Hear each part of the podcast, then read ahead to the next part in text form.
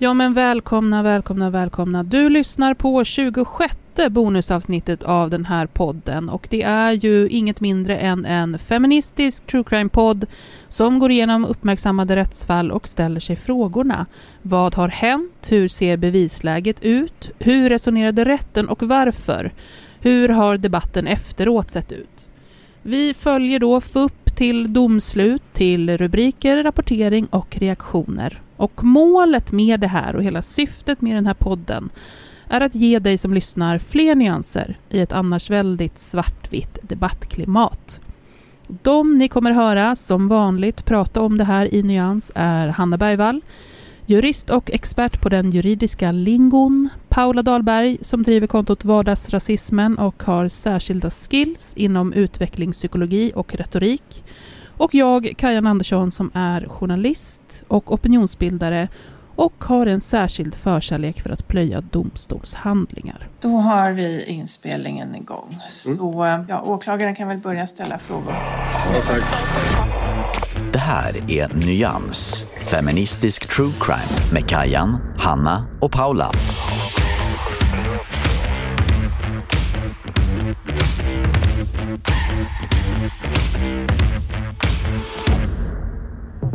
Hanna, jag skickade precis till dig på eh, Insta i DM. Jag har inte vågat skicka till Paula för jag har inte checkat av oh med dig Paula hur du är jag inför sådana här saker. Men jag skickar i alla fall till dig Hanna en oh, riktigt oh, äcklig tå, tå-video. Men det är så här, jag tycker det är hemskt och är underbart samtidigt. Jag, det är jag vet, det är det bästa. Jag har ju, just nu har jag kanske tre eller fyra sådana här såna här eh, guilty pleasure, kolla video-grejer. En är hovar. Det är en, en snubbe som åker runt och Eh, men vad gör han? liksom täljer på kossors hovar. Om de har något problem, de kan ha fått in något grus, det kan vara något liksom var eller någonting. Och så täljer han dem och så har han slipmaskin och så fixar han. De är ganska mm. långa också, mm. perfekt att somna till. Otroligt trevliga. Och sen är det såna här äckliga eh, pedikyrvideos. När det är liksom, alltså fötter med jätte... Ju mer problem, desto bättre. Det kan vara svamp och förhårdnader och inväxta naglar. Ja, jag scrollar upp lite här och ser den här hälen. Den är riktigt nasty. Hälen. Du får se Paula här. Ser du Paula, hälen? Mm, Paula, vill du att jag inkluderar dig i de här utskicken som jag gör? Eller vill du stå över? Eh, du kan skicka, jag brukar sitta och titta ibland på sådana här klipp när de håller på och rensar eh, fötter ifrån sandloppelarver.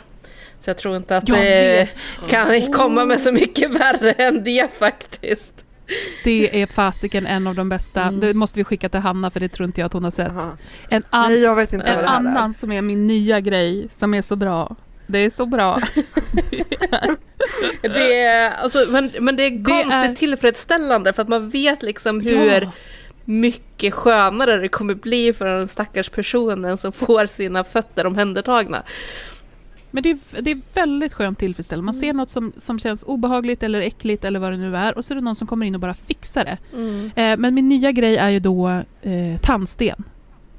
Det finns ju människor som har så ofantligt mycket tandsten att det liksom täcker en hel gom. Oh och då kör de in en kamera och sen så filmar de allting när de liksom borrar upp en kant så här, eh, en kontur runt och sen helt plötsligt så släpper ett helt stycke med tandsten. Gud jag blir typ avslappnad när du berättar om det här. Ja, jag vet. Jag, ska, jag får skicka det också. Nej, ska vi köra? Ja, jag är så, alltså jag, jag har så mycket att säga om den här domen. Oh. Så ni får brace, brace yourselves alltså. Det är, finns så mycket att säga och jag känner också att det finns så mycket som vi inte kommer liksom ens hinna med att säga, som vi inte ens kommer hinna snudda mm. vid. Men vi får göra vårt bästa helt enkelt. För det som vi ska prata om idag är då mordet på Nadja. Mordet på Nadja Blom. Nyans. Feministisk true crime med Kajan, Hanna och Paula. Det här är ett superaktuellt fall. Eh, om ni inte känner igen det direkt så kommer ni känna igen det alldeles strax när vi börjar med händelseförloppet. Eh, det här är dom som har kommit väldigt nyligen. Och vi har ju då en alltså otroligt mastig FUP. Det handlar ju också om att det finns flera, eh, flera olika brottsrubriceringar som är inkluderat här. Men vi kommer ju fokusera på en sak, men, men eh, gisses vad det är mycket. Och så finns det en tingsrättsdom då. Mycket artiklar eftersom att det här är ett väldigt uppmärksammat fall av förståeliga skäl.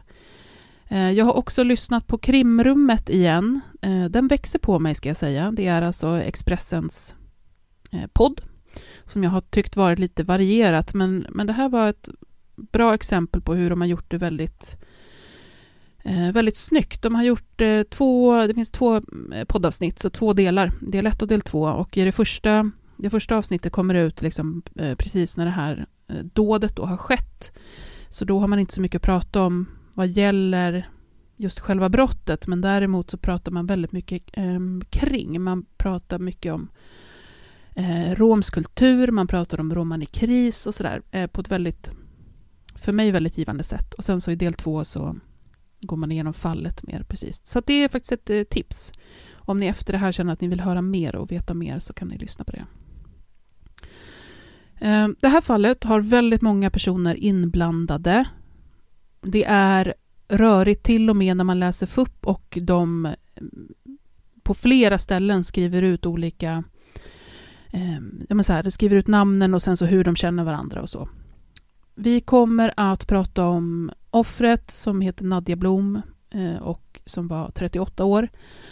Och så kommer vi prata om två personer som då åtalas som förövare. Det är Garcia Blom, 22 år, det är alltså Nadja Bloms äldste son. Och sen är det en son till som vi kallar för lillebror. För att han är lillebror till Garcia. Och han är 17 år vid det här tillfället.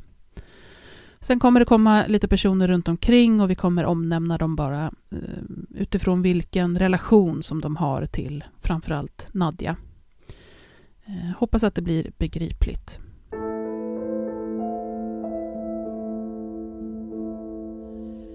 30 juli 2022. Vi är i Göteborg.